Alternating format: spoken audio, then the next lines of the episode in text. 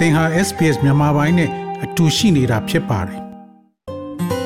SBS မြန်မာပိုင်းကို အင်ကာနဲ့စနေနေ့ည10:00နာရီမှနားဆင်နိုင်တယ်လို့အွန်လိုင်းကနေလည်းအချိန်မီနားဆင်နိုင်ပါပြီ။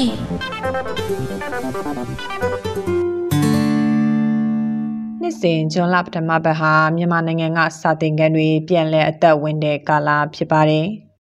ဒီအသည့်မိုးကအသည့်ကြော်ပွေအသည့်တွေနဲ့အဖြူစိမ်းကိုစီဝစ်ထားတဲ့ကလေးတွေဟာနိုင်ငံရဲ့ပညာရေးမြင်ကွင်းကိုထင်ဟပ်စေခဲ့ပါတယ်။ဒါပေမဲ့လည်း2020မတ်လမှာတော့တက်ရောက်မှုပြင်းခဲ့တဲ့ကိုဗစ်ဘေးကြောင့်ကလေးတွေဟာစာသင်နှစ်တစ်ပိုင်းတစ်စမှာပဲကြောင်းခေါင်းလောင်းတန်တွေနဲ့ဝေခဲ့ရတာပါ။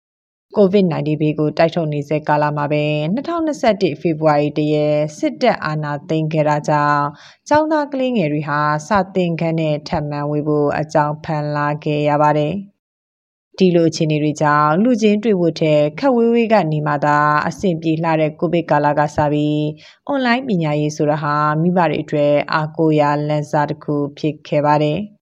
စစ်အာဏာသိမ်းကာလအတွင်းမှာတော့အဲ့ဒီလန်စာဟာလည်းအကျက်အတဲတွေနဲ့စတင်ရင်ဆိုင်လာရပါပြီ။မြင့်တက်လာတဲ့အင်တာနက်သုံးကားစီးရီတွေကတ်သက်ခံထားရတဲ့အသုံးပြုခွင့်တွေကြမှာမြို့ပြထဲကြီးလက်ဒေတာတွေကကလေးတွေဟာပုံမအခက်ကြုံလာရတယ်လို့အွန်လိုင်းကနေအင်္ဂလိပ်စာသင်ကြားပေးနေတဲ့ဆရာမတူကပြောပါတယ်။ရွာမှာမီးမလာလို့တော်တော်စိတ်ညစ်နေတာ။အဲတော်တော်ဒုက္ခရောက်နေတဲ့ကလေးတွေ။နေ့ကနေကင်းတနားကြီးတွေကပြတ်သွားတာ။ အတညာလုံးကတနားရီလောက်ပဲပြန်လာလိုက်တယ်ပြန်လာပြီးတော့ဒီနေ့တမနလုံးလည်းမလာသေးဘူးအဲ့ဒါကြောင့်မို့လို့ပေါ့နော်အဓိကတော့မီးပေါ့မီးရခက်ခဲတာပေါ့ပြီးတော့ရင်နောက်တစ်ခုက line တွေကလည်းမကောင်း wifi တက်မှဖြစ်မှာလीနော်အဲ့လိုကြေးလက်ဒေတာတွေဘာတွေမှာကျတော့ wifi ကတက်နိုင်တဲ့သူရှိတယ်မတက်နိုင်တဲ့သူရှိတယ်အဲဈေးတွေကလည်းတအားကြီးတယ်လေအခုဆိုလို့ရှိရင် Oridu ညီမတို့ရွာမှာဆိုလို့ရှိရင် Oridu ပဲအဆင်ပြေတာ Oridu Telenor တော့မှပဲနိုင်ရမကောင်း Telenor wifi ကလေ ဈေးတက်တာပြီးတော့ line မကောင်း order ကလည်း98,500တာပြောမှသူ7000ပဲထားလိုက်ပါတော့အဲ့လောက်ဆိုတော့ကြတော့လေမတက်နိုင်ကြဘူးလူတော်တော်တော်တော်နဲ့ရတယ်ဟိုများသောအားဖြင့်ကတော့ဒီဘက်ကျောင်းတွေပဲပြန်တက်ကြတော့တာပေါ့နော် online ကနေတက်ဖို့ကကြတော့ data ကလည်း1000ဆိုလို့ရှိရင်သူက1000ဝယ်လိုက်ပြီဆိုတော့480 MB လောက်ပဲရတာလေရင်းတော့ဆိုရင်ကြတော့1000ကိုတကစ် ဟုတ်တယ်မလားတကယ်မဟုတ်လဲ package တွေဘာတွေပေါက်တယ်ဆို9 GB တို့6 100 GB တို့ဘာလို့ပေါက်တာအခုကမရှိတော့ဘူးလေအဲ့ဒါမျိုးကအဲကြောင့်မလို့ internet package လည်းခက်ခဲတာပေါ့နော်လက်ရှိအာဏာသိမ်းကာလမှာတော့မြန်မာနိုင်ငံရဲ့အင်တာနက်ရရှိမှုနှုန်းကိုကတ်သက်တားမြစ်ထားတဲ့အပြင်သုံးဆက်ခွင့်ဈေးနှုန်းအသီးသီးဟာလည်းမြင့်တက်ခဲ့ပါတယ်။ FTTH အိမ်ရောက် Fiber ကြိုးသွယ်စနစ် Broadband ကြိုးမဲ့စနစ်အင်တာနက်ဝန်ဆောင်မှုနဲ့ Mobile Operator အသီးသီးရဲ့အင်တာနက်သုံးစွဲကတွေပါဈေးနှုန်းမြင့်တက်လာခဲ့တာပါအာနာသိမ့်မှုမတိုင်ခင်ကာလမှာ data အသုံးပြုက 1GB ကို1000အောက်ပေးဆောင်ခဲ့ရပေမဲ့လည်းအခုဆိုရင်3000ကျပ်ဝန်းကျင်အထိပေးဆောင်နေရပါတယ်။ ဒီဈေးနှုန်းဟာအိမ်နီးချင်းထိုင်းနိုင်ငံရဲ့အင်တာနက်အသုံးပြုခွင့်ဈေးနှုန်းနဲ့ဆိုင်ရင်ဆယ်ဆဝန်းကျင်မြင့်တက်နေတာပါဒီလိုငွေကြေးကုန်ကျမှုတွေအပြင်နှီးပညာကျွမ်းကျင်သူနေပါတဲ့နိုင်ငံရဲ့အခြေအနေကြောင့်အွန်လိုင်းပညာရေးဟာမျှော်မှန်းထားတာတဲ့ပုံမအခက်ကြုံခဲ့ရပါတယ်။ သင်ကြားသူပညာရေးဝန်ထမ်းတွေ၊ကုညီပတ်မိုးတဲ့အုပ်ထိန်းသူတွေကစလို့ကျောင်းသားကလေးတွေရဲ့ဤပညာသင်နာလည်မှုဟာလက်ရှိအွန်လိုင်းပညာရေးမှာအခက်အခဲဖြစ်နေခဲ့ပါပြီ။လက်ရှိမှာမူလာတန်းကိုအွန်လိုင်းကနေပညာသင်ယူနိုင်အောင်ပတ်ပိုးပေးနေတဲ့တားငယ်တူရဲ့မိခင်ကတော့ဆီယမအရေးချွတ်မှမူတည်တာပေါ့ဟိုနောက်တစ်ခုအမအမသားဆိုလို့ရှိရင်၄နှစ်ထဲကသူ့ကိုထားလိုက်တာနော် KG course ကို၄လပဲထားတာ၄လပြတ်ထားလိုက်တာမှာ တအုပ်လုံးကိုသူကျွမ်းသွားတယ်ဒါတော့တနေ့ကိုတစ်ချိန်ပဲစတင်တာတနေ့ကိုကတနားရီခွဲလောက်ပဲစတင်တာတပတ်မှမှ၄ရက်ဒါပေမဲ့တော်တော်အဆင်ပြေတယ်အဲ့ဒါဒီ on ground မှာသွားထားတာထက်ကိုပိုစာရတယ်ပြောချင်တာ quality ရှိတဲ့ teachers တွေကတင်တဲ့ online education ဆိုလို့ရှိရင်နောက်ကလည်းမိဘကပတ်ပိုးနိုင်တယ်ဆိုလို့ရှိရင်တော့အဲ့ကလေးကထောင်တက်သွားတာပဲဒါပေမဲ့အဲ့ဒီထဲမှာမှာ qualities ကလည်းညံ့တယ်ခုနကလည်းအခက်အခဲတွေပေါ့ internet အခက်အခဲတို့ဘေးအခက်အခဲရှိတဲ့အဲသူတွေအတွက်ကတော့နည်းနည်းတော့အဆင်မပြေလောက်ထင်တယ် ကိုဗစ်ဘေးနဲ့အာနာသိန်းဘေးတွေကြားမှာစာသင်နှစ်နှစ်ခုကြာဝေးကွာခဲ့ရတဲ့ရင်သွေးငယ်တွေရဲ့ပညာရေးအတွက်လှမ်းစာအသီးသီးကိုမိဘတွေရှာဖွေခဲ့ကြပါတယ်။အကြမ်းမဖက်အာနာဖိဆိုင်ရေးလှုပ်ရှားမှု CDM မှာလည်းပညာရေးဝန်ထမ်းအများစုဟာပါဝင်နေစေဖြစ်တယ်လို့ကလေးငယ်တွေဟာလည်းစစ်အာဏာရှင်လက်အောက်ကစာသင်ခန်းတွေစီမသွားဖို့အများစုရွေးချယ်ခဲ့ကြပါတယ်။ ဒီအခြေအနေကြောင့်အမျိုးသားညီညွတ်ရေးအစိုးရအန်ယူဂျီရဲ့ကြားကာလပညာသင်ကြားရေးအစီအစဉ်တွေအောက်ကဖက်ဒရယ်ကျောင်းတွေမှာပညာသင်ကြားနိုင်မှုကိုကျောင်းသားနဲ့မိဘအများစုကစ조사ခဲ့ကြပါတယ်။ရန်ကုန် Federal School, Mandalay Federal School, AR Federal School အပါအဝင် Count for You စတဲ့ online ပညာသင်ပေးမဲ့ကျောင်းတွေမှာအလူအရက်ကျောင်းအပ်ခဲ့ကြပါတယ်။ ပညာရေးအဆက်မပြတ်သွားဖို့နဲ့ကလေးတွေရဲ့အတွေ့အခေါ်တွေပြောင်းလဲနိုင်ဖို့လိုအပ်တယ်လို့ရန်ကုန်ဖက်ဒရယ်ကျောင်းတာဝန်ခံဆရာတူကအခုလိုပြောပါတယ်ကလေးအတွက်ဘာတွေရမလဲပေါ့နော်ဘာတွေရမလဲဆိုရင်နံပါတ်1ချက်ကဒီစစ်ကြုံပညာရေးလို့ပြောတာခါကျွန်တော်တို့ကဒီတင်ယုံညွှန်းလန်းနေကိုပြောတာတက်ဆိုင်ရင်စစ်ကြုံပညာရေးလို့ပြောခြင်းဒီစစ်အာဏာရှင်ကကျွန်တော်တို့ပညာရေးစနစ်ကိုသူတို့ ဖန်တီးပြီးတော့သူတို့လေ့ကျင့်ပြုစုပြောထောင်တဲ့အခါမှာသူတို့အာဏာရှင်တွေအလိုကျခိုင်းစီလို့ရတဲ့သူတို့အာဏာရှင်တွေပုံစံမျိုးတွေကိုသူတို့လိုကြတဲ့လိုချင်တဲ့ပုံစံကွက်တွေနဲ့ရိုက်ထုတ်မှာဖြစ်တယ်ဆိုတော့ဒီဆေးအာဏာရှင်စနစ်ကြောင့်ပေါ့နော်ဆေးအာဏာရှင်တွေကြောင့်ကျွန်တော်တို့မြန်မာနိုင်ငံရဲ့ပညာရေးဟာ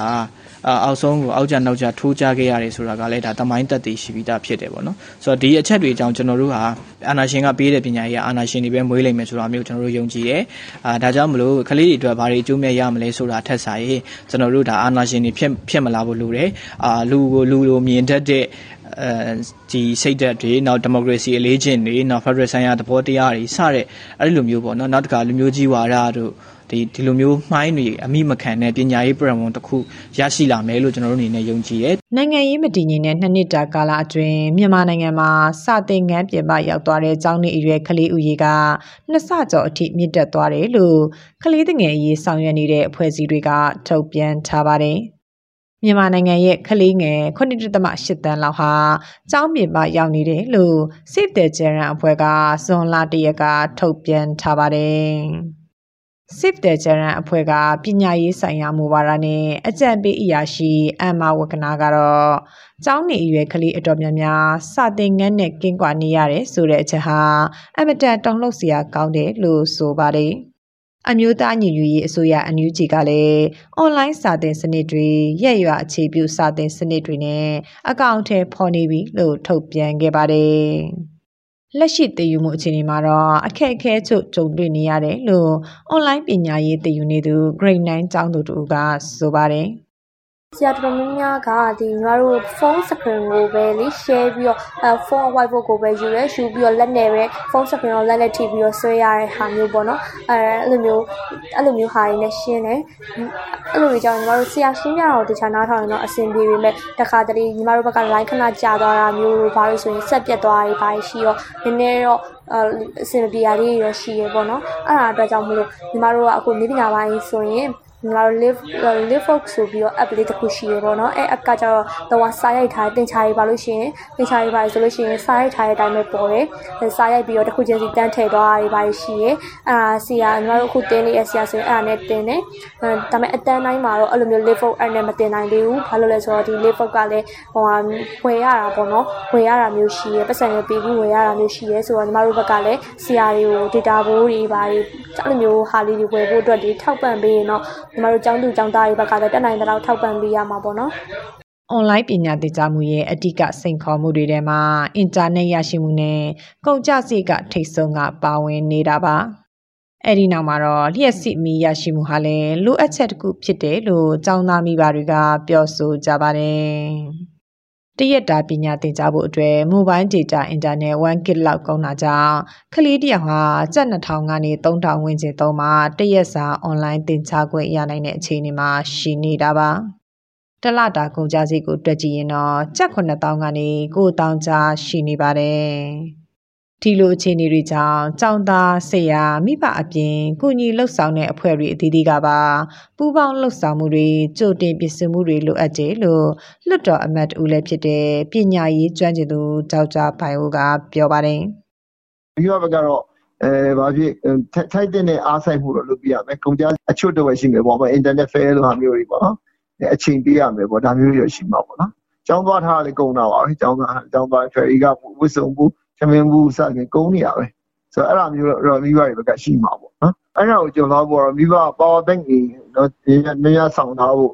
အဲနောက်ချိန်ရတဲ့ချိန်မှာအဲ့လိုပေါ့ power bank ကို alternate လုပ်ဖို့ဒါမျိုးတော့လိုလာလိမ့်မယ်ဆိုတော့သာသီပညာကြီးတွေအရင်ကြီးတော့လိုလာမယ်ဆိုတော့ဒီတဲ့ကောင်းတဲ့နေသားကတော့ကျွန်တော်တို့ကမိဘတွေစီကိုအဲ electronic device တွေပေါ့ဗျာ power bank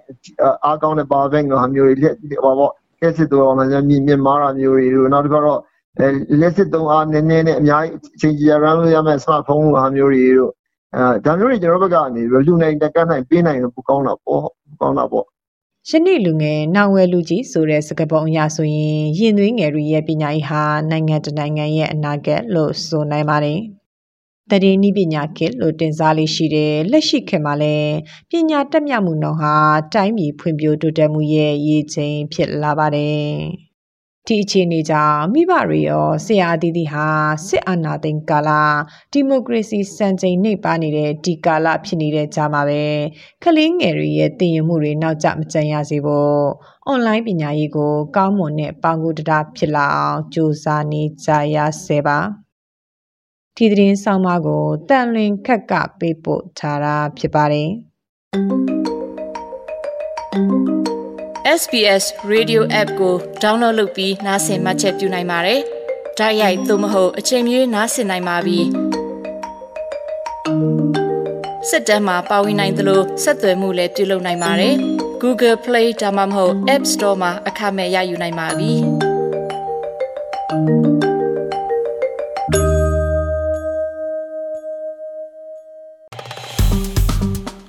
SPS မြန်မာပိုင်းကို Facebook ပေါ်မှာ like ရှာပြီး like မျှဝေမှတ်ချက်ပေးပါ